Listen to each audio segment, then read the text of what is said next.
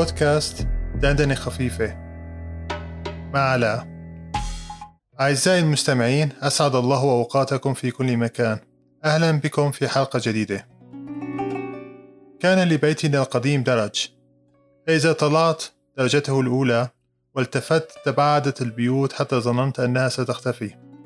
وهذا ما يحدث فعلا حالما أضع قدمي على الدرجة الثانية. كانت تلك الدرجة أشبه بالمنارة. أطلعها فأرسل النظر شرقا وغربا بحثا عن الجيران المفقودين. كان الصعود إلى الدرجة الثالثة لا يختلف كثيرا عن تسلق قمم الجبال. تأوي الريح هناك كالنسور. يبدو الطقس شديد البرودة حتى توشك الثلوج أن تتساقط. كان النظر إلى الأسفل يصيبني بالدوار. الدرجة الرابعة هي عبارة عن مغامرة في حد ذاتها. فيوم تشعر كأنك تعبر حقل الألغام. من كثرة الأحذية المبعثرة بالطريق ورائحة القمامة التي تصيب الشخص بالثيان. وفي أيام أخرى تشعر أنك في مضمار تزلج ذلك خاصة بالشتاء عندما يحاول الجيران بإعطاء صورة جيدة بغسل الدراج من دون شطفه. الدرجة الخامسة غير موجودة لأن الدرج ينقطع هنا بغتة حيث يقف الباب مثل الحارس. كان أبي يقطع الدرج بخطوة واحدة. أما أنا فأطلعه بحذر العجائز والعميان متحسسا بيدي سياجا لا وجود له. كلما خرجنا من البيت وددت لو أن المصعد يعمل لكي أتجنب الدرج. العجيب بالأمر أن عندما يكون المصعد في حالة تسمح له بالعمل أي أنه خال من الأعطال كانت الكهرباء مقطوعة. وكأن القدر يتلذذ بمشاهدتنا نعاني طلوع هذا الدرج. ذات يوم كنا بالخارج وكنا كالعادة نستعد لطلوع الدرج لقراءة الأدعية المختلفة لطلب العون والمساعدة من القدير. وإذا بنا نسمع صوت المصعد وهو يهبط للطابق الأرضي. شعرنا لحظتها شعور الغريق وهو يحاول يائسا النجاة. وإذا بيد تشده نحو الشاطئ. ولكنها فرحة لم تكتمل. إذ أن للمصعد الآن قفل جديد. وضعه أحد الجيران. لكي يمنع الغرباء من استخدامه بالمستقبل. كان الدرج ينتظرنا في الخارج كل يوم مثل السائق. لم نعرف غيره سائقا طوال حياتنا. كان بيتا بسيطا لولا ذلك الدرج الموضوع فيه إن ما قصة هذه الإنة؟ كان في مدينة حلب أمير زكي فطن شجاع. اسمه علي من منقذ وكان تابعا للملك محمود من مرداس.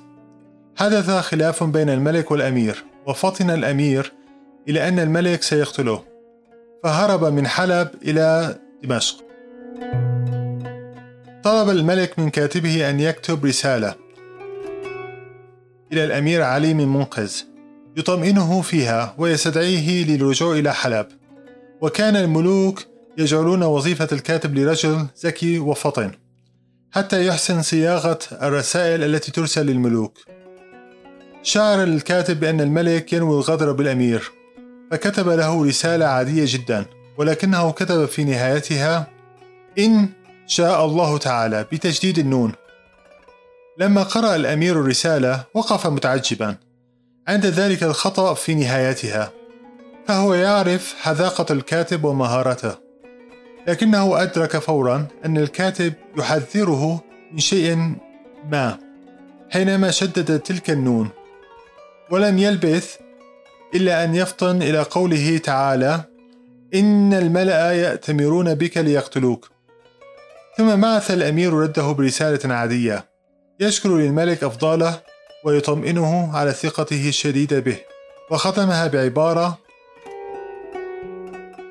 أن الخادم المقر الإنعام بتجديد النون فلما قرأها الكاتب فطن إلى أن الأمير يبلغه أنه قد تنبه إلى تحذيره المبطن وأنه يرد عليه بقوله تعالى إنا لن ندخلها أبدا ما داموا فيها واطمأن إلى أن الأمير ابن منقذ لن يعود إلى حلب في ظل وجود ذلك الملك الغادر.